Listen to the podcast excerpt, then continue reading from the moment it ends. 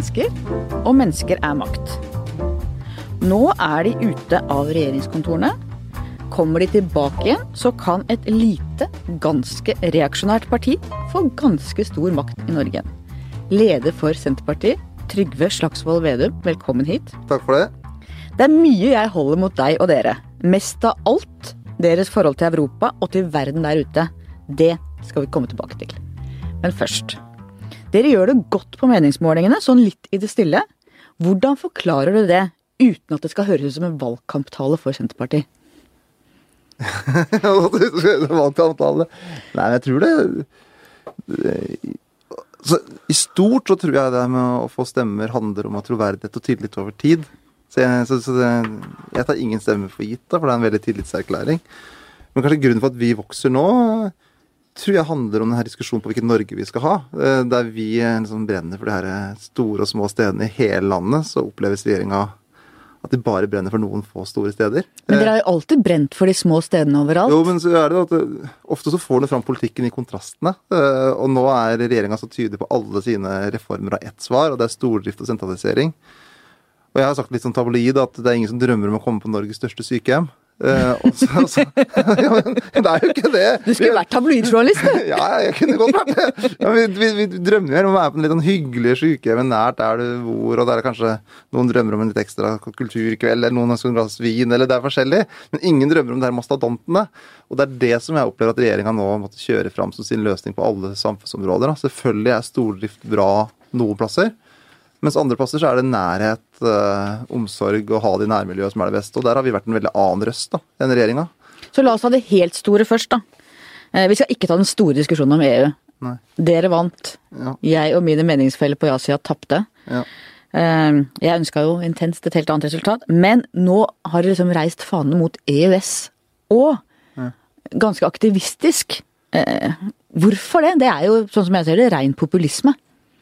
Ja, altså det er, jeg hører det ordet populisme blir brukt veldig mye, da, men det som er eh, Vår grunntanke er jo at det er folk som til sjuende og sist skal bestemme. Eh, og det er jo Hele folkesuvereniteten handler jo om det at det er deg og meg som kan stille politikere til ansvar i valg.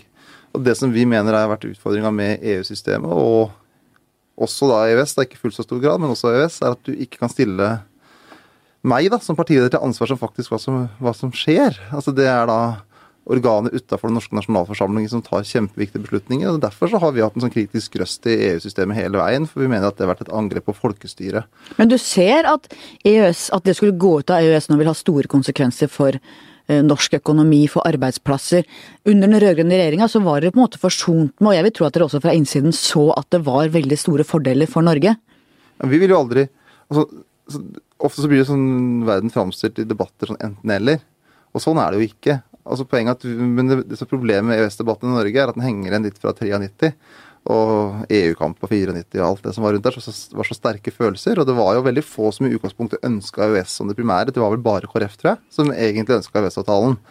Og så var det da nei-sida som, som, vant, og så var det ja-sida som tapte, og så ble det da KrF sin løsning som ble den stående løsningen. da. Og det som vi sier, er at vi må, vi må se hvilke muligheter er det vi har nå etter brexit. For det kommer til å komme en større handelsavtale i Europa enn EØS-avtalen. Og da bør i hvert fall ikke vi som land bare lukke døra og ikke se på mulighetene. Og det syns jeg er litt problemet med, med, dagens regjering, og litt den derre etterreaksjonen etter 94, da. At man ikke tør å diskutere det engang. Kan vi ikke drøfte hvilke muligheter det er? For vi ser at EØS nå til og med i Stortinget akkurat nå, så har det vært diskusjon om en innføring av en finansskatt. Uh, jeg tror den modellen som ble valgt, er egentlig alle partier imot. Uh, men pga. EØS-avtalen så er det den det blir. Ting går fort nå. Teknologisk utviklinga som bringer både gode ting og utfordringer. Sentralisering. Det at uh, både i nasjonene og på internasjonalt nivå er en sentralisering. dere sier nei til mye av dette. mye som er nytt, kan du si. ser du det som deres rolle? At noen må ta den plassen? Vi sier ja til veldig mye, egentlig. For vi sier, det er det vi egentlig gjør. Vi sier ja til den norske modellen, der vi har klart å utvikle hele landet. Altså, Jeg bor jo i nabofylket til Sverige, og jeg ser der, de, de sa jo ja til en annen politikk. da, Den politikken som du ser i Norge nå, der alt skal sentraliseres. og Da får du et helt annet land. Hvis du drar til Danmark og ser hva de har gjort der, de gjennomførte mye av de reformene som nå dagens regjering nå skal kjøre. De kjørte for ti år siden i Danmark. Og jeg leste senest en rapport fra Folketinget i går. Og, den handla jo om at den største effektiviseringsgevinsten jeg har sett ved kommunereformen, det er nedlegging av sykehjem. Eh, og det ønsker jeg ikke. Jeg mener ikke at det er ikke, det er ikke et framskritt, det er et tilbakeskritt. Det har vært et framskritt for Norge at vi har bygd hele Norge. eh, Og den der trua på at Norge blir så mye bedre bare man sentraliserer alt, det er jeg uenig i. Og det er ikke moderne, det er gammeldags. Altså Dra til østeuropeiske land nå, de hadde så tro på veldig stordriftstenkning. Så det er ikke noe sånn moderne, ny tanke, det. Erna og østblokklandene. Nei, men det er poenget at, Og markedsøkonomien. altså Det er ikke noe sånn Nei, Erna er selvfølgelig ikke der. Men poenget det der å tro at bare det er stort er noe nytt og moderne, det er jo ikke det. Altså det, De store sentraliserte tingene, det er jo gammeldags modell. altså det, Nå har vi jo bredbånd, vi har teknologi, vi har jo aldri hatt mer mulighet til å reise. Så det, at, det å tro at man nå trenger å lage kjempemastodonter noen få plasser, det mener jeg er en sånn gammeldags tenkning. og det har man sett i regime etter regime gang etter gang, så det er ikke noen ny idé. Det er en gammeldags, så det er gamle ideer og sentraliserende løsninger som er regjeringas politikk. Du har den teknologiske utviklinga, du har den er, verdi... Ja, og det er fantastisk, selvfølgelig. Altså det, det er jo ingen, og det gir, jo, det gir jo muligheter til et mer desentralisert samfunn enn noen gang. Eh, og Derfor er det viktig f.eks. at man bygger ut eh, bredbånd rundt omkring i hele landet som et nasjonalt prosjekt. Akkurat som vi hadde for å bygge strøm i sin tid, som Posten. Der vi har hatt noen ideer om å bygge hele landet. Og det bør vi også ha når det gjelder da bredbånd. At eh, selv om du bor da i Folldalen, da, så skal du også der ha bredbånd. For der er det jo et fantastisk sted å bo, og da kan du også faktisk kanskje jobbe i et departement i Oslo, for at teknologien gir deg den muligheten. Jeg hadde Berit Svendsen her, eh, sjef i Telenor Norge. Eh, Og hun mener nok at bredbånd er viktigere enn E39. At det er viktigere å ha bredbånd enn å ha veier. Er du enig i det? Ja, Det tror jeg faktisk er i ferd med å skje. fordi at også eh, sannsynligvis om 10-15 år da, så kan vi bruke de veiene vi har så effektivt pga. ny teknologi der også. Vi kan kjøre mange flere biler på strøm, nesten som en jernbane, på veien. Så det, det er jo fantastisk det som skjer, og det gir oss masse muligheter. Og det med vår visjon, da, der vi skal se hele Norge, så er jo det der bare Gir jo det store perspektiv, og det gir muligheter for en person som da ønsker å f.eks. ha en del av arbeidstida si i London, men kan allikevel da kommunisere med sine kolleger da I Folldal. i Folldal. Det er fantastisk, vet du! Og så kan, ta, så kan man kjøre tog eller uh, ta flyet over til London hvis han trenger det. Men altså, jeg mener at den der, det gir jo bare muligheter og ikke problemer. de her Selvfølgelig gir jo også teknologisk utvikling utfordringer, men uh, for vår visjon om å se hele landet, så, ja, så er det jo positivt. Du har den teknologiske utviklinga, du har den verdimessige utviklinga. Samfunnet endrer seg med livsvalg, med mangfold. Har det gått for fort for noen? De reaksjonene vi ser nå, har utviklingen gått for fort sånn at du får en motreaksjon i en del miljøer? Jf. Trump og USA, f.eks. Men det er Jeg tror at det som Det som går for fort, er hvis man har glemt den sosiale delen av markedsøkonomien. At det bare har blitt en hale. Og at øh, For, for at det he, Altså, jeg mener at et, et lands myndighetsoppgave er å løfte alle sammen. Så prøve så godt man kan og sørge for at øh, alle skal være med øh, på en velstandsutvikling. Men hvis det bare blir sånn at noen får velstandsutviklinga, og den som gjør den praktiske daglige jobben, ikke får det, da går det gærent. Og da har vi mislykkes som prosjekt. For at øh, økonomien er jo ikke et mål i seg sjøl, den er jo middel for å skape gode liv. Og hvis vi fører en økonomisk politikk som gjør at veldig mange ikke får gode liv, så er det feil det som skjer. Og det er jo det du har sett delvis i Storbritannia, der det, er, der det var der Labour bomma veldig da, øh, på brexit-avstemninga. De trodde at det skulle bli altså at det skulle være bestående i EU. Mens det var jo de tradisjonelle Labour-arbeiderstrøkene det har vært veldig mye liv. Eh, Eller at de skulle da gå ut av EU. Og det er jo for at mange i de områdene har opplevd at de ikke har hatt velstandsvekst i det hele tatt. Og at det snarere har gått eh, andre veien. Det er jo globaliseringens bakside, som man antagelig ikke har snakket nok om. For globaliseringen har jo løfta hundrevis av millioner ut av fattigdom i Kina, India. Mens, eh, og vi får fordelen av det her med at vi får billigere varer, mens så det blir spredt utover, jevnt utover fordelene. Mens regninga for det går til de få som mister jobben, de få som faller utenfor. Så det er jo noe dilemma rundt det som er eh, ganske krevende. Ja, det, er- jo ganske mange, dessverre. altså, altså, I Norge har det vært ganske få til nå, men eh, i en del andre europeiske land har det vært mange.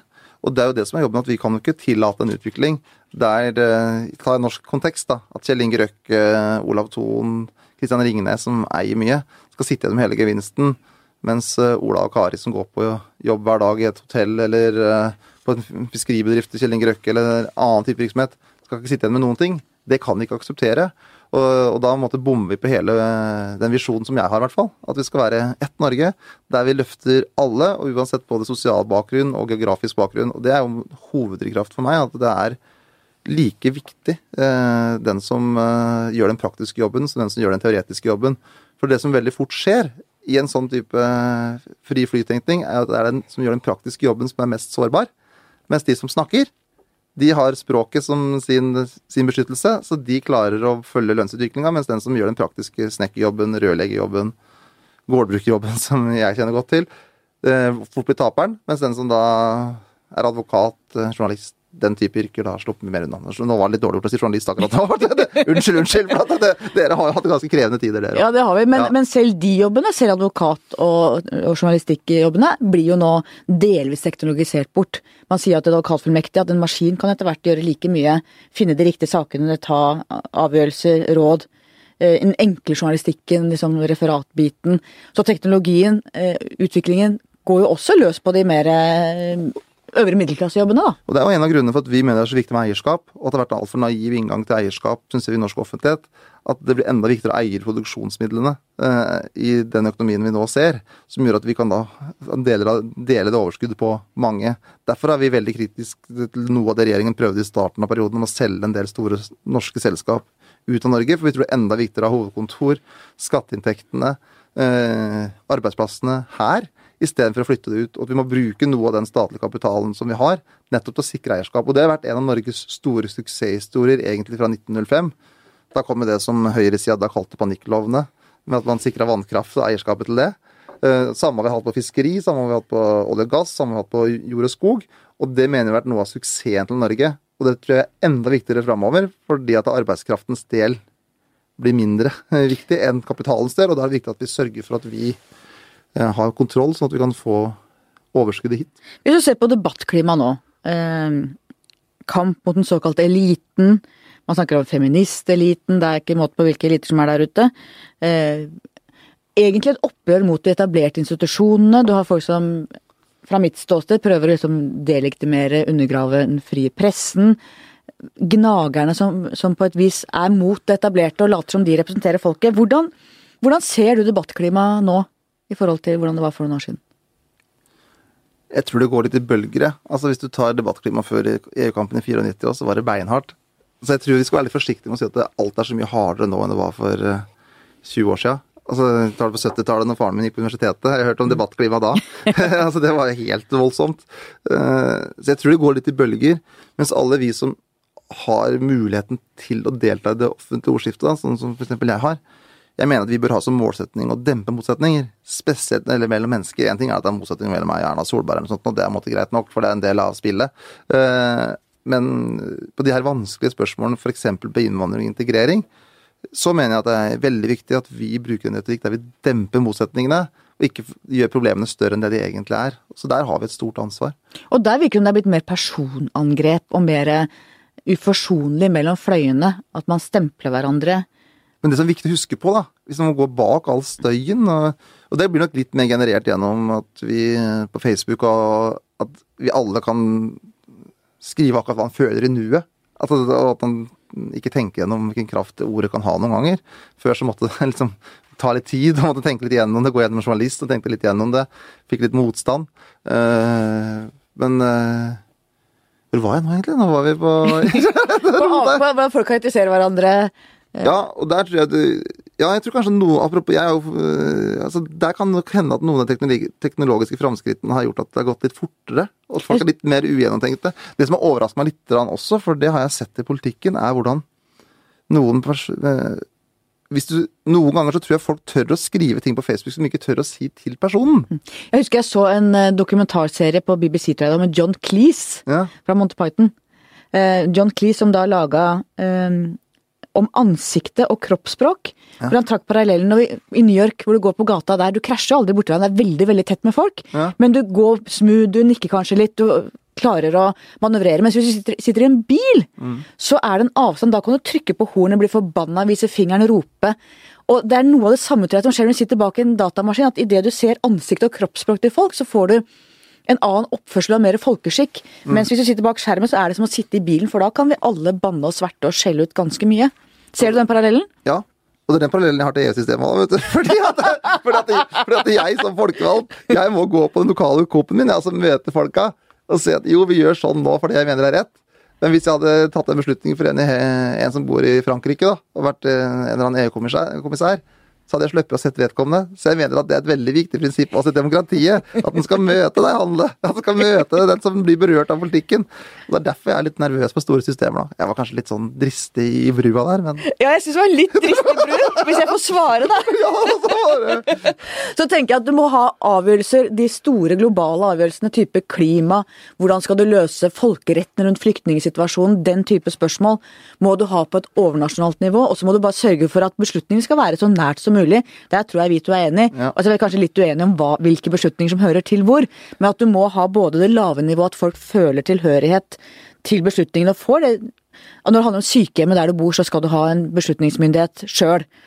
Mens hvis vi snakker om hvordan skal løse klimautfordringene, så må du ha overnasjonale svar, for da må man binde hverandre. Ja. Ikke sant? Nei, altså, vi har også selvfølgelig, Det er jo fantastisk framskritt det som skjedde med både EMK og flyktningkonvensjonen. At vi, Det er jo det. at vi har noen universelle rettigheter som mennesker. Og det er det det egentlig handler om der, da. Og Og, det, og da må du ha beslutningsorganer også som kan håndheve det. der fant vi en enighet over bordet. Det hadde jeg ikke trodd. ja, altså, det er bra, det. Blir dere den populistiske bølgen? Du er jo på et vis en populist, ikke sant? Det, det er- blir dere det svar, ikke norske svar for Trump, for det blir veldig feil, men klarer dere som parti å fange opp noe av den skepsisen mot sentralt hold, mot eliten, mot makta, med at du kjører ganske eh, rått på en slags senterpartipopulisme, da? Jeg har hørt det ordet mange ganger de siste ukene. Det er interessant sånne ting. Altså, som, Det går sånn bølger hva det blir beskyldt for å være, liksom. Nå er det det som er ordet, da. Jeg mener ikke at du er Donald Trump, jeg må bare få presisere det for lytterne her. Ja, ja. Men det er sånn altså, Men hvis man liksom legger tar liksom, I stedet for å gå ned i skyttergravene, da, så er jo den Vi er jo en del av det her folkelige bevegelsen Hvis du tar Senterpartiets historie og sentrumspartiene, egentlig, i stort, så var jo det sånne motkulturpartier i starten, som var mot elite. Og så egentlig veldig mye av prosjekt, altså Hvis du tar norsk historie, så var det en måte frigjørelse fra kirkens liksom, makt i starten, og så har det vært fra kongemakta. Så det har vært folkelig, Arbeiderbevegelsen var en folkelig bevegelse for å liksom løfte folk ut fra fattigdommen. Akkurat som bondebevegelsen var for at alle skulle få en slags trygghet. Eller lekmannsbevegelsen for at eh, statskirka var for sterk.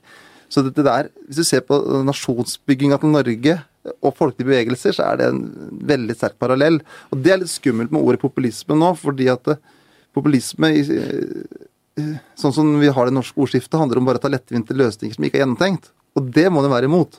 Skjønner du? For det kan ikke være sånn at det er gøy i morgen, men ikke gøy i overmorgen. For det er ikke lurt. Fordi det å styre et samfunn handler om å ta valg som skal være klokt i generasjonsperspektiv. For mange av de beslutningene som vi tar nå, ser man kanskje ikke effekten av i morgen eller overmorgen, men man ser om 20-30 år. Så jeg ser jo på eh, det å styre et land litt som å styre en gård. Ja. At du skal overlate det litt bedre stand enn du overtok den. Og det er det måte motsatte av populisme, sånn det blir definert. Men hvis populisme handler om det sunne, folkelige vettet, så, så eh, mener jeg at det er ganske lurt å høre på det sunne folkevettet. Men, eh, men Så er du motkraft, eller er du elite? Eller er du litt begge deler?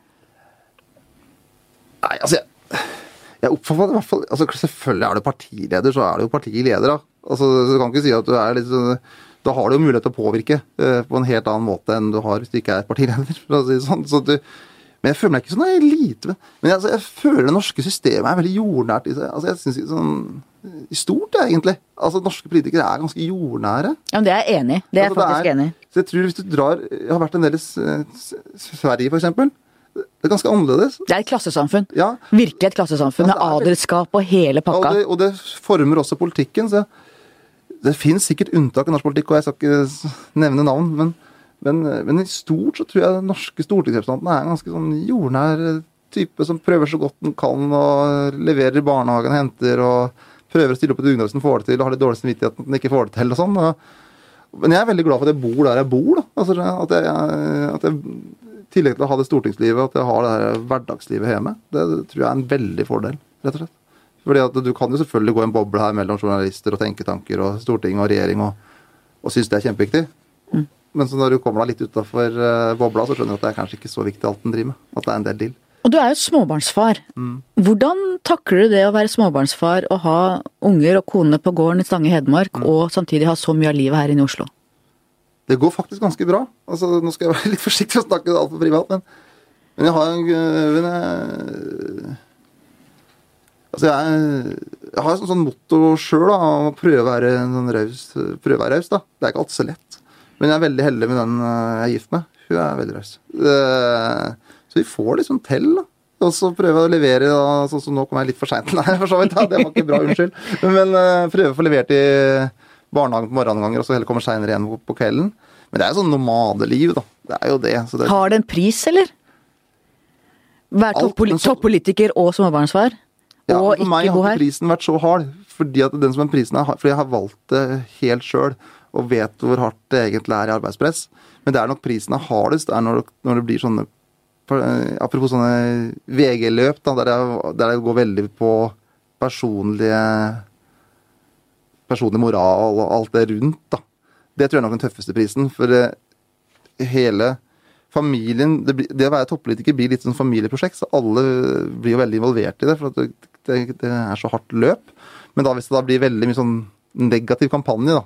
Så, så, sånn som jeg kjenner for Liv Signe veldig godt, og syns hun er en flott person. Også Liv Signe Navarsete, forrige lederen i Senterpartiet, Ja. som det var mye oppstuss Ja, og da og syns jeg det konflikter er rundt. sørgelig, liksom.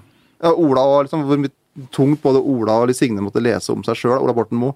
Eh, da syns jeg det er Det er hard pris. Liksom Både som det Ola Borten Moe opplevde, og det Liv Signe Navarsete opplevde i periode. Det, det var, da, da er politikken hard og brutal, og det rammer nok også familien. Men det at det er hardt jobb og bruke mye tid, det vet du når du går inn, så det er helt frivillig. Men den der andre sida, den, den tror jeg du ikke klarer å være helt forberedt på før den faktisk er der.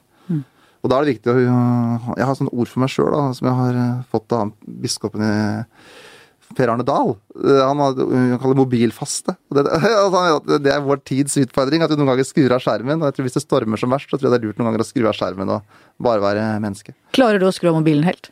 Eh, Ja, en del, god del. Eh, Prøver det i hvert fall. Nei, det er sikkert altfor dårlig. Men, men det er litt, nesten litt, litt sånn skummelt, den derre stimuleringsbehovet vi mennesker har. da. Altså Det er nesten det det blir. at Hvis det ikke skjer noe, så må vi finne et eller annet. Jeg tror det er sunt sånn rent for vår evne til å tenke og reflektere. At vi noen ganger kobler litt ut. At vi går en tur, eh, ikke gjør så mye, bare, bare er. Men det er lettere å si enn å faktisk gjøre. Det er noe med den lomma hvor du, hvis du klarer å sitte på trikken og se ut av trikkevinduet istedenfor å ta frem mobilen de 15 minuttene det tar. Jeg tror det er faktisk så er det så mye du kan se òg, vet du. Eh, altså, det er jeg helt, helt enig. Så jeg syns egentlig det er eh, vet noen av de som pendler med fly til Stortinget, sier at det er så deilig det der, halv- time på flyet, liksom. Ja. Men det, sier jo litt, det er jo litt sært, da. At en da må, må bruke flyet for å få den der timen fri. så det får være så ikke, ikke utvikle wifi da, til pendlerne. Det, men folk må klare det sjøl, da. Men det er eh, Selvdisiplin, det er ikke ja, det er ikke lett. vet du. Jeg, det er menneske... Jeg kjenner sjøl noen ganger at jeg er grunnleggende glad i alt som er usunt. Det er litt sympatisk, da. Det er litt sympatisk. I valget mellom en sjokolade eller en gulrot, så er den sjokoladen mer fristende, for å være helt ærlig. Sjokolade er veldig godt. da. Ja, det er veldig godt. Eh, Tilbake til Senterpartiet. Hvordan definerer du nasjonalisme? Nei, altså, Vi er opptatt av nasjonalstat. Altså, for Vi tror at nasjonalstaten er den svakestes vern. Fordi at Der føler man at et fellesskap Og så skjer det en ulykke i Finnmark, så føler vi et fellesskap med finnmarkingen i større grad enn hvis det skjer en ulykke i Nord-Finland. Det blir mer distansert. Og Det handler om at man ser menneskene. og Så vi mener at nasjonalstaten i utgangspunktet er et solidarisk prosjekt, der vi løfter hverandre. Eh, og at et fellesskap mellom nasjonalstater er det, er det beste. Eh, Men nasjonalisme som per se, jo, sånn som det, det hva legger du i det? Nei Begge deler, egentlig. Fordi at eh, det har blitt misbrukt så mye, og da får jeg sånn Som et sånn ekskluderende prosjekt. Og det er jo bare vondt. Eh, og der har det jo mange Ja, det er jo et eksempler hele tiden, egentlig, på hvor negativt det kan være når man sånn er etnisk nasjonalisme, og hvor hardt det kan bli. Men med, nasjonal, altså, med sånn nasjonal stolthet, eh, løfte hverandre, den inkluderende prosjektet, det mener jeg er noe positivt. Så det kommer, men, men nasjonalisme har blitt brukt så mye negativt at eh, Tenker du at. Senterpartiet er et nasjonalistisk parti? Det er et nasjonalt parti. Eh, Det er det ingen tvil om at vi er. For vi, vi, vi tror jo at eh, det er den beste måten å fordele samfunnsgoder på, er innenfor nasjonalstatens rammer. For politikk handler jo egentlig om til sjuende og sist Det er jo verdikamp, det er jo det, det grunnleggende. Og så bruker du staten i den verdikampen. Hvordan skal du bruke statens ressurser til å skape et samfunn du tror på? Og da tror vi at det er innenfor nasjonalstat at du skal ha de her institusjonene. Mens f.eks. Erna Solberg mener at det er klokere å ha mange av de institusjonene i Brussel, i et sånt Europas forente stater. Det tror ikke vi kommer til å klare å fordele på samme måten. eh, Og være et like sosialt godt prosjekt. Eh, Så der ser man bare ulikt på det. Eh, Og der tror vi at nasjonalstaten er en bedre og tryggere og mer inkluderende ramme. Hvis du ser på dine samarbeidsfeller i Arbeiderpartiet, så vil jeg jo tro at de vil si som deg at nasjonalstaten er viktig, men at også det internasjonale er viktig. At det ene ekskluderer ikke det andre. Nei, Det er jeg jo enig i òg, men spørsmålet er jo Men det går jo bølger, da. Altså, eh, sånn har det jo vært egentlig historien hele tida. Så hvor, hvor er det makten skal ligge? Eh, Og hvor mye makt skal da flyttes ut fra nasjonalstaten til overnasjonale organ? Eller om det skal være mellomstatlig. Og der har vi hatt en veldig tro på det mellomstatlige. Hvis du ser på innenfor nasjonalstaten, da, forholdet by-land, f.eks. ulvedebatten. Faren min, som er bonde fra landet, mener at det er for, for få bønder i byen. Ja. Er du enig i det? Er det nok bønder i byen, egentlig? Han mener at, byfolk, han mener at byfolk ikke skjønner den type spørsmål. da. Ja, men Det tror jeg handler jo om nærhet, egentlig. Altså, det, er, det er helt sikkert en del som da bor altså, I mitt eget valgdistrikt, Finnsko, der er Finnskogen de områdene som har hatt mest ulv. Men de er helt sikkert en del utfordringer de heller ikke ser seg, som er på Grünerløkka. Så sånn er det jo naturlig nok. Altså, for at du lever i et, eh, et miljø eh, de, med de utfordringene. Og det man må huske på, er at han skal ha respekt for menneskers liv. Og det tror jeg har vært noe av problemet i rovdyrdebatten. Den er jo utrolig betent, da. Ja, og det tror jeg handler mye om at folk har følt seg umyndiggjort. Spesielt når man sier at du må jo skjønne at det er ikke så farlig med den ulven. altså Den har ikke spist noen unger på så og så lenge. Men klart, hadde det vært en løshundflokk som løp rundt et boligfelt ja, på Vinneren eller noe sånt, nå, eh, så hadde den løshundflokken blitt tatt ut. Og i Trysil, da, som er, også er mitt valgdistrikt, så har det vært en ulveflokk som har løpt inn et lite boligområde en del ganger. Og det er ikke så rart at de blir irritert når de ikke får skutt den ulven. Altså, for når, det, når, det når det er ulv på trappa di, det er ulv utafor låveveggen som har tatt uh, husdyr inne ved låven, og så får de ikke lov til å gjøre noe. Da blir det frustrasjon. For jeg tror det har blitt kjempefrustrasjon også i Holmenkollen eller hvor som helst, hvis det hadde vært det samme. Ja, det tror jeg du har helt rett Ja, ja, så det er liksom, Og det handler bare om folk. Men er det løsbart? Altså hvis du ser, Vi har en lang lang grense mot Sverige. Og Sverige har jo et helt annet rovdyrregime Mm, Ja. enn Norge. De har jo knapt folk som bor Nei, på den en- sida av grensa. ja. Så de har liksom mange mange hundre ulver, og så skal vi ha et visst antall på norsk side. Men de ulvene kjenner jo ikke landegrensene. Nei, men- Er det noen løsning på dette i det hele tatt? Jeg tror noe av det som kunne dempe altså vi har jo, Der har man ulike syn, da, men jeg tror noe av det som kunne dempa konfliktnivået skikkelig, det var f.eks. når det er veldig sånne nærgående ulver. At da var det lavterskel på å ta dem ut. Eh, For det tror jeg er noe av det som skaper mest sinne. da. At det skal sitte en eller annen byråkrat som man opplever det. Men til sjuende og sist, det skal man alltid huske på, også hvis vi kommer eller når, som vi pleier å si i Senterpartiet, det kommer regjeringen, at eh, det er til sjuende og sist statsråden som har ansvaret. Men det oppleves som det er en eller annen byråkrat da, som sier at nei, du kan ikke ta det ut, vi får bare leve med det. Og da blir folk sinte, for da er det en sånn maktesløshet. Eh, eh, Og man føler at man ikke tar eh, problemene som er reelle, på alvor. da. Ville du skutt, eller hvis du så en ulv inn på tunet ditt? Nei, ikke hvis ikke det var lov. For det er for demokratiske prosesser, og det er ekstremt viktig at vi vi får vinne de kampene gjennom politikk. Men hvis det hadde vært lov, så hadde jeg gjort det. I noen av de vanskelige spørsmålene om bioteknologi, så er vi to helt enige. Når det gjelder surrogati, altså at en kvinne kan bære fram et barn som ikke er hennes egg, men bære fram et barn for eh, noen andre, og eggdonasjon, at en kvinne kan gi bort sine egne egg, så er vi helt enige. Jeg husker da du kom bort til meg på Akersgata her for noen år siden. Da var du landbruksminister og sa at dette må vi snakke om, for du visste at jeg var opptatt av det. Og det var jo ikke akkurat ditt kjerneområde som landbruksminister, dette med eggdonasjon og surrogati. Hvorfor, hvorfor var du så opptatt av det, eller er du så opptatt av det? Altså, For dette, det er De spørsmålene er veldig vanskelige. Det, det er punkt nummer én. Og, og du kan forstå individets valg eh, når man gjør det. Og, og, men til sjuende og sist er det et politisk ansvar hvilke rammer vi skal sette i det, og, et etisk spørsmål. Og jeg mener at det her med eh, Teknologien som vi snakka om i stad, den gir jo fantastiske muligheter, men, men den gir også noen etiske utfordringer. Og det her, f.eks. den diskusjonen om surrogati, så mener jeg at den historiske linjen vi har hatt mellom at den som bærer fram barnet, er barnets mor. Det er omtrent det eneste vi veit ordentlig sikkert i dette livet. Ja, for den som er barnets far, det har alltid vært en viss usikkerhet rundt. Mange overraskelser. Ja, altså Kasper, blant annet, han, altså det har vært barnelover som har sikra det, men, men, altså der kan men, men barn, hvem som er barnets mor, har vært et sånn bærende prinsipp. Og det å eh, legge opp til et system der vi skal akseptere at man f.eks.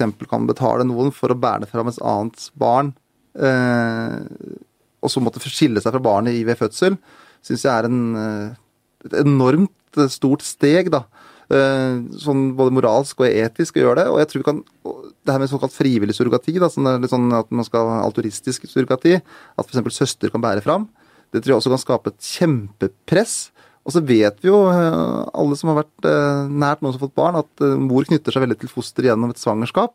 Så det er vanskelig å se også i forkant hvilke følelser som den moren som bærer fram barnet, får for, barnet. Og da, og da legge til opplegg at vi skal synes det er greit at noen bare skal måtte bruke sin livmor da, til å bære fram andres barn, det, det, mener jeg er svært, svært uh, vanskelig at vi skal akseptere. Og derfor så uh, har Jeg vet at jeg har såra noen med også den det jeg har sagt om surrogati f.eks. i India. Uh, men jeg mener likevel at vi skal være litt tilbakeholdne og holde igjen. Og så får vi ramme inn så godt vi kan. Men barn som er født, er barn som er født. Så det må man jo lage trygge rammer for. Men at vi ikke skal måtte sette et godkjentstempel på det fra norske offentlige myndigheter. Her er jeg så på linje med Senterpartiet. Det er et av de temaene vi også har gitt dere sterk sterk støtte på lederplass, hvor dere ble på et vis garantisten i den rød-grønne regjeringa for å holde litt igjen. Og det viktige her er nettopp det du sier, perspektivet til barnet. Si du har f.eks. da surrogati hvor søsteren til moren din har båret deg fram. Hvem er moren din da? Altså alt det som kommer av følelsesmessige ting rundt det. Og det at et barn ikke vet ordentlig hvem er moren. Ja, altså, at du splitter den genetiske og den biologiske moren. Du splitter på en måte morskapet i to. Ja, du kan splitte nesten i tre år, faktisk, for du kan få egg fra en tredje. Og det Vi vet jo hvor identitetssøkende mange som har blitt adoptert er. Eh, så det å bare si at biologi ikke har noe å si, det mener jeg er veldig sånn historieløst og litt naivt. Fordi at biologi har alltid hatt noe å si for oss. Eh, røtter og opphav. Men så skal vi, de barna som er, uansett hvordan de er kommet til verden, skal vi elske å ta vare på og gi det tryggeste og beste rammer. Og de er like unike og flotte som alle andre. Men, men så, så, det er ikke det vi diskuterer. Så barnet er unikt. Men det er, spørsmålet er jo om vi skal alle de hvor langt skal vi tillate oss til å konstruere ulike former for barn? Og det jeg synes er interessant er at Adopsjon skjer av hensyn til barna. Der er det barn som ikke har noen til å ta vare på seg, og det er voksne som har et stort behov for å gi omsorg. Du kobler dit, og det er fantastisk, det er av hensyn til barna. Mens surrogati er jo utgangspunktet av hensyn til de voksne som ønsker seg barn. Det er to veldig ulike perspektiver. Ja, og så er det som På det mest ekstreme så vil det, sånn som, så vil det også da funksjonsfriske par som eh, ene ektefellen hatt veldig utfordring første svangerskap, kan du tenke at jo, kan vi ikke, og hadde du god råd, så kan du ikke heller bruke 200 000 da. Og så for å bære fram vårt biologiske barn neste runde, så vi slipper den belastningen en gang til. Og det, så, dit vil vi ikke, rett og slett. At, at også en eh, kvinne kan brukes som et sånt objekt da, eh, for å bære fram et, eh, en annen families barn. Men jeg er alltid litt nervøs når jeg snakker om det her, Eh, jeg vet det er noen som blir såra, jeg vet at det er noen som blir lei seg. Men, men likevel allikevel så har vi da som parti ment at det er klokt å sette en grense, når det, spesielt det her med surrogati. Og så var Vi var jo det første partiet som faktisk Det, det er nesten litt overraskende når du tenker på, på liksom debatten i etterkant, men vi var jo det første partiet som gikk inn for at homofile skulle ha lik rett til å bli vurdert som adoptivforeldre som, som andre. For da, for da handler det jo om kjærligheten, altså evnen til å ta vare på et barn, og, den, og da skal man like rett til å vurdere. Og det var jo som vi, når vi vedtok det, så var det veldig radikalt. Det var under Odd Roger Enoksen sin ledelse. Men så nå er det som alle, heldigvis, da. Alle ser at det handler om omsorgsevne. Dette er helt enig. Og de som prøver å gjøre spørsmål om surrogati til et spørsmål om homofiles foreldreskap, tar helt feil. For det handler jo om barnets rettigheter, ikke noe annet. Jeg er helt enig med deg at det er eh, homofile som adoptivforeldre, er, eh, da er det veldig sterkt ønskede barn. Åpenbart. Ja, og da er det ofte Og det å bli adoptivforeldre er jo mye mer krevende enn å bli foreldre, for å si det sånn. Ja. altså, for det er jo et enormt eh, system du skal gjennom for å kunne bli det. Men i abortspørsmålet så skiller vi to lag, for du er abortmotstander. Er du også imot loven om selvbestemt abort? Nei. Jeg er for loven om selvbestemt abort, for alternativet er så mye verre. Og det er for jeg har hørt litt dokumentarer også fra 70-tallet. Ehm, det er jo fantastisk med radio, da. For å sitte og kjøre bil kan du høre på ulike Jeg tror det var en uh, Ekko ja, på P2 som hadde om den abortkampen her nå for uh, Jeg var jo født i 78, så det var da abortkampen var på sitt mest, mest intense.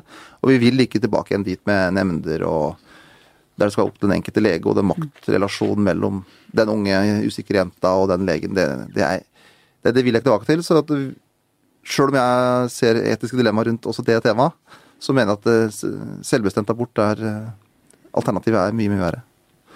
Og så er det jo fortvilte personer ofte som er i den situasjonen. Så, de jentene som da er der, de skal vi løfte og ta vare på.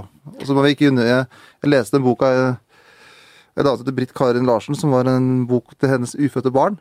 Uh, sånn den kan leses, i hvert fall. Uh, du er allikevel til, eller noe sånt? Het den, eller? Likevel til, ja. ja, ja. Vel, den, den, var sånn 16 eller sånt nå. Ja, det stemmer. Og det, og det er, for det syns jeg er viktig at vi anerkjenner de utfordringene del som har tatt abort, også kan ha i ettertid. Og den boka var jo en sånn Men vi skal ikke fordømme de. De er i den situasjonen de er i. Uh, og det er kjempevanskelig. Og så skal vi men jeg syns den boka var et veldig god, god, bok, så det kan anbefales. Nei, jeg tenker at Det er, det er veldig... en liten bok, da, sånn, sånn så du kan, det går det fort å lese. Nei, for jeg tenker at det er en veldig styrke at, man at vi har en abortlov i Norge som er et så, et så godt balansert, og hvor det er så bred oppslutning om den. Ja, og det mener jeg at det er et klo, klokt for landet vårt, rett og slett. Så litt om deg. Du er, fra, er du fra en storgård? Bjør, Bjørby er en stor gård? Ja, det er en vanlig gård. Det er en egen elv som er kunstig elv på tomta, er ikke det? Det er litt stort da? Ja, det er Nei, det, høres sånn ut, men det er, Norge har, altså, det er en helt vanlig gård. men vi har, Faren min er naturentusiast, så vi har veldig mange dam, kunstige dammer og sånt som det er lagt til rette for uh, biologisk uh, mangfold uh, på gården. Og du overtok som 26-åring gården. Det var innmari tidlig. Hvorfor overtok du så tidlig? Altså, jeg er veldig interessert i, i altså Det å drive med gård er fantastisk. Altså å, nå driver jeg litt, da, for jeg leier bort en del. Men det å så liksom da, og så følge planten gjennom sesongen, og så høste. Det er et veldig privilegium. altså for mange, Jeg kan si at det er et privilegium, for jeg har jo en økonomi som gjør at jeg får penger andre plasser. Så det, det er ikke helt krise hvis det går litt dårlig et år. Men det er det derre Det følger naturen og årstidene som du kan gjøre hvis du driver som bonde. Det er et, for meg et kjempeprivilegium, så det har jeg hatt lyst til å vært interessert i hele livet. Og så er du lærerunge, som meg. Mm. Faren din er lektor, biolog og venstremann. Ja, han er på vei han Har du omvendt den? Ja. det er fordelen med venstrefolk, vet at de vet ikke alltid helt hva de mener. det er Ta det på rett dag. Men fortell litt, moren din var også lærer, fortell litt om foreldrene dine. Ja, Jeg har vokst opp i et uh, veldig engasjert hjem. Uh, ikke partipolitisk engasjert, men uh, samfunnsengasjert. Og naturengasjert hjem, fordi at jeg har vokst opp med mus i fryseren, for å si det sånn. For at faren min, han Så det, det, er ekstremt mye natur, da. Og ja, der du ser på gebissen etter mus og alt mulig rart. Så at, jeg har vært på flaggermuskurs og alt mulig sære ting da jeg var liten. Men det har vært en sånn enorm naturentusiasme hjemme. Og, og min mor enormt engasjert i skole og utdanning. Så jeg er helt frustrert når jeg aldri sier skole og utdanning nok. For det, blir aldri nok! for det er liksom definisjonen. Jeg har fått et veldig engasjert hjem med, med, et bredt følelsesspekter. Det har vært mye følelser hjemme, og det har ikke bare vært sånn, de lyse følelsene, men det har vært en sånn uh, kjærlighet i bunn. Ja, Hva tenker du på, ikke bare de lyse følelsene?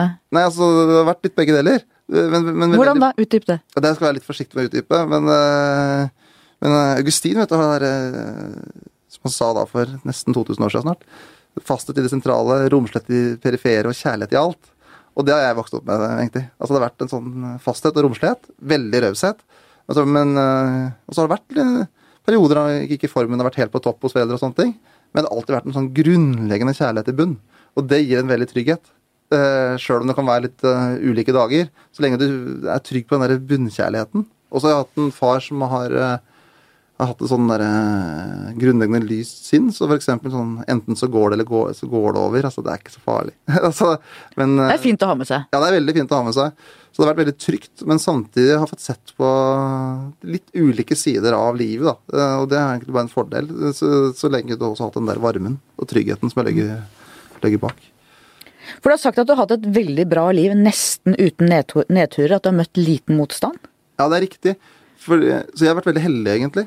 Eh, selv om jeg har sett eh, litt ulike ting, så har det vært en sånn varme hele tida som har gitt en trygghet. Og så blir det ofte sagt sånn at hvis du har hatt varme og trygghet hele veien, så skal du en gang møte det. En sånn skjebnetroa, liksom. Jeg har ikke helt eh, Jeg tror verden er litt urettferdig sånn noen ganger. Altså at, og der har jeg vært heldig med oppvekst og Og der jeg vokste opp, da, på Ildseng, der jeg var mest kjent for et sånn promillefengsel. Så da jeg var liten, så var det mange fanger hjemme òg som vi drev og hadde lager på låven. Men det har vært en veldig sånn trygg oppvekst, øh, og da er han heldig. Og hva, hvis du møter skikkelig motstand i livet, hvordan tror du du takler det da? Det Er helt umulig? Altså, Hva er skikkelig motstand? Jeg håper jeg takler Hvis det er sånn karrieremessig sånn, Nå tenker jeg livet sjøl. Ja, det Jeg tror jeg er heldig med at jeg Det kommer an på hva det er, skjønner du. Altså hvor dramatisk det, det vil bli. Men Men jeg tror noe av den grunntryggheten jeg fikk fra jeg var liten, den tror jeg ligger der, da. Eh, så det gjør at den er kanskje litt bedre rusta hvis den ikke hadde fått, fått den der grunntryggheten. Men jeg, jeg har ikke opplevd det, så det er vanskelig å, å si. Og så er jeg veldig glad i mennesker, og det, for den rollen jeg har nå, så, så hjelper det veldig. For at du, du, møter så mye folk, da. Så jeg tror at hvis jeg får Jeg tror at hvis jeg får veldig trøbbel, så vil jeg fortsatt være glad i mennesker, så mange mennesker som nå vil uh, se meg og prøve å hjelpe meg litt. og så er jeg ikke så veldig ærekjær sånn selvhøytidelig, tror jeg, da. Uh, Nei, det tror jeg er helt riktig. Ja, ja, og det tror jeg også kan hjelpe litt. Altså, for når du mister litt fasade, mister litt ansikt, så Og det tror jeg vi må prøve å minne oss på alle sammen når vi er ærekjære selvhøytidelige, så prøv å få det bort, egentlig. For det bare hjelper deg ikke. Mm. Og det hjelper ikke de rundt deg heller. Mm. Men jeg skjønner at vi er det, det vi mennesker er sånn som vi er. Du har alltid vært litt sånn politisk nerd. Første ja. demonstrasjonen din var bestefaren din som kjørte deg da du var mm. ti år gammel. Mm. Du var på din første Senterpartikonferanse på Hamar da du var tolv år. Ja. Bestilte en stortingsproposisjon da du gikk i åttende klasse og skulle ha frilesing. Ja. Var du helt uh, nerdy-nerdy, eller? Jeg var mer, ja, jeg var en haring. jeg skjønner ikke hvordan det jeg, jeg, tror jeg er mer normal nå, jeg hadde venner av, så, så, det er helt utrolig, egentlig. Nei, altså, så det er litt Ja, jeg var bare enormt engasjert. Altså, jeg var så, så nerd at jeg tok opp Dagsrevyen noen ganger. for at jeg var, Hvis jeg var på fotballtrening og sånn, jeg ville se Dagsrevyen da jeg kom igjen. Så, det er helt fantastisk! og det var på barneskolen, liksom. Jeg var helt sær. Hvordan begynte det? Nei, Jeg tror det begynte med at også besteforeldrene mine som bodde i nabohuset, og bestefaren min var veldig historieinteressert. Eh, og samfunnsinteressert, og broren hans også veldig sånn historie- og samfunnsinteresserte. Så, så, det var mye samtale rundt historie, samfunn, både hos besteforeldre og hos eh, foreldre. da. Men, men ikke partipolitikk. for Bestefaren min er aldri partipolitiker, så jeg tror det bare handla om sånn eh, nysgjerrighet. Og så var det en diskusjon om skolestruktur da hjemme der jeg vært veldig Selvfølgelig var Senterpartiet Ikke det ikke alltid sånn, da, men da var Jo da! Jo da! Ofte er det sånn. Og de var veldig engasjert i den lokale skolen min, da. Som så fortsatt består det er en diskusjon igjen nå. Nå er jeg veldig engasjert for dattera mi sin skole. Og så var det jo eh, i oppkjøringa til EU-kamp, og da var det jo veldig sånn eh, Da var det jo lite sånn det var mer poesi enn prosa. Si. Altså, det var ikke sånn, det var folkestyre, miljø, solidaritet. Det var ikke skatteregel ditt og datt. Mm. Det var ikke agurken, krumminga på agurken? Nei, det var liksom poesien, liksom. Og, og, og, og så fikk du altså storfolk til et møte om menneskerettigheter med en stortingsrepresentant og en statssekretær. Ja. Svære møte. Åssen gikk det egentlig? Ja, det er apropos nedturer i livet. jeg var jo så entusiast. Jeg syns jo det her med menneskerettigheter er så ekstremt viktig. Så det var vel, jeg vet ikke hvor gammel det var, men det var for ungdom, da. Og da kom det da det, Utenom meg så kom mora til foredragsholderen en til. og to aviser. Den ene avisa var snill. Og tok bilder bare av, av liksom det som skjedde, og, det, og skrev en flott en, en tiltak. Og den andre skrev sannheten. Jeg, tror, jeg tror egentlig at dere den journalisten som skrev sannheten, burde ha hatt en snill reportasje. Så dere journalister, hvis det er en sånn ung entusiast som lager sånne ting, skriv den snille versjonen. For Jeg har nemlig litt tilsvarende historie. I 87 holdt på med studentpolitikk på jussen i Oslo, og vi fikk den første, første debattmøtet mellom byrådslederkandidat Rune Gerhardsen og Michael Tetzschner fra Høyre. Svær greie. Vi hengte opp plakater i hele byen, inviterte alle medier, Østlandssendinga, Aftenposten. Alle kom av mediene og nesten ingen tilhørere. Og det er sånn jeg kjenner jeg nesten rødmer når jeg tenker på forferdelige opplevelser. Jeg, ja. I feel your pain. Ja, men jeg tror det er litt sånn Men du, i ettertid så vokser han litt på det, for da har du ja, tror du det? Jeg tror litt det. ja. for det også, og, og, det som jeg er veldig For jeg er så mye til å reise. Altså, en av privilegiene med rollen min er at jeg reiser hele Norge rundt. Og da hender det at det kommer veldig få folk på møter. Og da kan jeg si den historien. Det er god trøst, da. Jeg sier at liksom, ja, det er jo, men vi fem, eller vi ti, vi ja. er her. Det er fint, da. Jo, men det er sånn du må tenke. Ja, det er sånn du må tenke. Ja. Dette med gården, overlate til neste generasjon, de evige verdier, det bringer meg over til forholdet til Gud. Mm. Barnetro, voksentro. Ja. Du er kristen, men du har også sagt at du tidvis tviler? Ja, jeg tviler. eh, Ja. Jeg er nok litt en tviler òg. Altså, sånn, sånn ty Som type? ja, altså, eh, selv om det i TV-debatten så er det ganske Der er det en måte hard, på en måte, for at der har du liksom Det er det budskapet du har tenkt gjennom. Men som type så er jeg det. Så det, verden er veldig lite svart-hvit, altså. Så det er vanskelig. Det er med tro men, eh, men når du sier tro, så er det jo refleksjon av det er tvil. Og jeg tviler eh, nesten mer og mer, så selv om jeg har, har lyst på Nesten tro. mer og mer? Ja, jeg synes det det? er vanskelig. Er, altså, det er, Fordi verden er urettferdig, eller handler ja, det om andre er Ja, det ting? grunnleggende spørsmålene, egentlig. Hvorfor skjer det som, eh, det som faktisk skjer, da? Eh, Er ikke det fordi menneskene har et fritt valg, også Jo, til å er velge det. det onde? Jo, vi kan jo det, da. Men jeg syns det er vanskelig å forstå, altså, rett og slett. Eh, Men så er det nok det Men jeg har et sånn barnlig ønske om å opprettholde barnetroa, egentlig. eh, Og søke mot det religiøse. Og jeg syns det er veldig interessant å snakke med ja, ikke minst så reflekterte teologer. Altså det, er, eh, det er noe av det mest spennende folk å snakke med, for de er så belesende av dem òg. De reflekterte. Eh, så at um... Vil du si at du tror på Gud i dag? Ja, jeg vil nok si jeg tror på eh, Jeg tror og tviler på Gud, vil jeg si. Ber du hver dag? Jeg Det er ofte, ja. Men nå er jeg jo i en sånn fase at eh, det, jeg er småbarnsfar, da. Så at jeg, jeg syns jo det er hyggelig alle sammen med jentene mine òg, å be. Hva ber du om? Nei, da eh, Det er noen eh, Det er jo familie, venner Og så er det eh, Så blir jeg alt Det henger litt sikkert sammen med den politiske meg òg, da. Det, det, ordet mat er nesten eh, Altså kunne spise seg mett. Og det for det er noe det jeg syns er mest fortvilende av det som jeg ser, er at vi, vi har Altså egentlig har all verdens, alle verdens mennesker mulighet til å kunne ha et anstendig liv når det gjelder f.eks. mat. Men så klarer vi ikke å få det til, og det er eh, forferdelig. Og det som skjer nå Jeg syns det er litt vanskelig, egentlig, nå blir det sånn personlig, men for jentene mine nå, for jeg lurer på hvor mye skal jeg dra dem inn i de her ulike tinga. Altså det som du ser nå i Syria, eksempel. Altså at, men sånn indirekte så ber jeg også den type ting. Så for meg så er bønnen også en liten måte å reflektere over dagen og livet på. Og da er det det nære, men også litt det her store, da. Inn- Takker du mye? ja det, ja, det gjør jeg generelt, da, for jeg er veldig heldig. Eh, og det som er Det må alle som er i maktposisjoner også huske på, hvor egentlig heldig man er. For Man kan føle på ansvaret, presset, alt det rundt, men det er et kjempeprivilegium, og det er helt frivillig å ha de rollene Altså den, det tidspresset jeg har, alt det der, er helt frivillig, men det er et privilegium. Og så er jeg veldig heldig som har mye folk som er vennlige mot meg, rett og slett. Og det, da er en heldig. Mm. Inkludert sine egne døtre. Um, livet litt over til politikken. Ja. I regjeringsspørsmålet så valgte i grunnen Senterpartiet allerede høsten 91, da Senterpartiet brøt ut av regjeringen ledet av høyremannen Jan Peder Syse pga. EØS. Eh, Og Anne Landstein pekte da på Gro Harlem Brundtland, daværende Arbeiderpartileder, som ny statsminister. Jeg var i Stortinget den kvelden, det var kjempedramatisk. Du var en guttunge på 13 år. Ja, jeg var det. Men eh, hadde du et bevisst forhold til hva Senterpartiet skulle velge den gangen? For du var jo opptatt av politikk, det har vi snakket om. Det var jo Nei, det tror jeg ikke Det kan jeg ikke være Det vet jeg ikke egentlig, fordi jeg har lest så mye om det i ettertid. Og sånn er det jo med en del sånne ungdoms- og barndomsminner. Er det ting du reflekterte over da, eller er det ting du reflekterer over nå? Eh, Så det var eh, Og jeg har hørt alle historiene, og hun som hjelper meg nå, som heter Kari Sydtangen, hun var sekretær også da. eh, Og fortalte om at hun gikk med én konvolutt til La Gro og én konvolutt til Jan P. Syse. Og på direkten Rett før Dagsrevyen gjorde Ja, så det, det var ganske dramatisk. Det var rått. Ja, det var rått. ordentlig rått. Ja, det var rått. Og det, så, at, eh, så jeg har ikke reflektert nok forhold til hva jeg tenkte akkurat da. Eh, Men drømmer du nå egentlig aller mest om en ny sentrumsregjering med Venstre og KrF? Nei, vi ønsker en Senterparti-Arbeiderparti-basert regjering. For Eller er rett og slett erfaringen fra den rød-grønne epoken så god at det er det du vil ha, nettopp? Ja, vi vil ha en Senterparti-Arbeiderparti-basert regjering, og erfaringa vår med sammen med Arbeiderpartiet i den forrige periode var god. Og hvor sterkt ønsker du å få KrF om bord?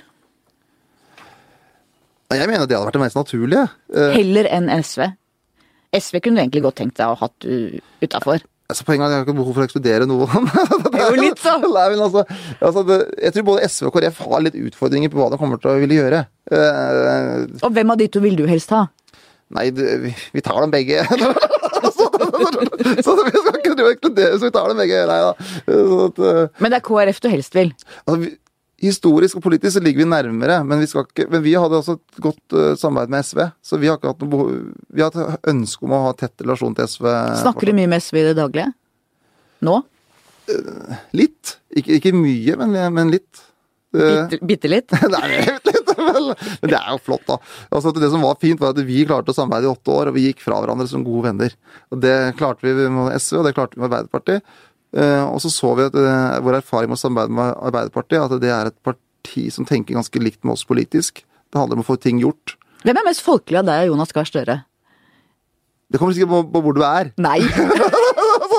jeg sa ikke jeg er meg og han er han. Så, at, uh, så vi får være av de personene vi er. Og det, så er vi sikkert litt forskjellige, og det var jo bra. Hvem treffer best på lokalet i Stanga? Der bør jeg treffe best, da. For I Trøndelag, da. Lokalet i Trøndelag. Det kommer sikkert litt an på forsamlinga, men jeg, men jeg håper jo selvfølgelig at jeg treffer litt bedre. Så da får vi se, da. Hvem som treffer best. Så vi, så vi er samarbeidspartnere, men vi er også konkurrenter. Hvordan analyserer du spillet i sentrum? Nei, jeg anser at i KrF, så der, apropos tvil og tro, der håper jeg det er mye mer tvil enn tro om dagen, egentlig. Så de jeg tror de syns det er litt vanskelig her, rett og slett. Uh, hva de skal, skal, gjøre. Nå sa jo Knut Are Hareide var her ja. og sa at dersom Erna igjen velger Frp, mm. så er det mest sannsynlig at de går i opposisjon. Ja, det har han sagt. Altså, og da er ikke veien så lang over til dere, egentlig? Nei. Eller? Men jeg mener til sjuende og sist så må man se på politikkens innhold. Altså hva er sakene? Og da mener jo jeg, da, sett fra mitt ståsted, at uh, det kan ikke være en varig vei for eh, KrF å opprettholde det regimet som er i dag, for at det er så langt fra dems eh, innhold. Men det er dems valg, og så får vi ta våre valg. Og Derfor har jeg vært så tydelig hele veien. At vi, KrF gjør sitt valg, SV gjør sitt valg, men vi ønsker en Senterparti-Arbeiderparti-basert regjering. Eh, og det, Hvis folk stemmer på oss neste høst, så vet de at det er det vi er tydelige på i regjeringsvalget. Men til slutt og sist er det politikkens innhold som er det viktigste, og, og det å sitte i regjering er et middel, ikke et mål. Til slutt. Ja. Mitt faste spørsmål. Ja. Hva skal bli historien om deg? Trygve Slagsvold Vedum, det var han som Jeg skapte litt glede, tror jeg. Det er ikke noe dårlig uh, historie.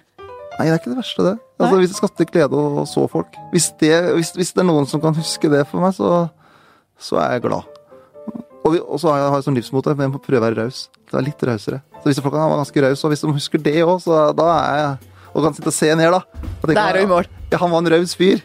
så, så da er ikke det det verste. Bra. Tusen takk for at du kom. Eh, hyggelig å være her. Takk til deg som hørte på. Del og lik, som det heter nå. Takk til vår faste produsent Magne Antonsen. Vi høres igjen neste gang.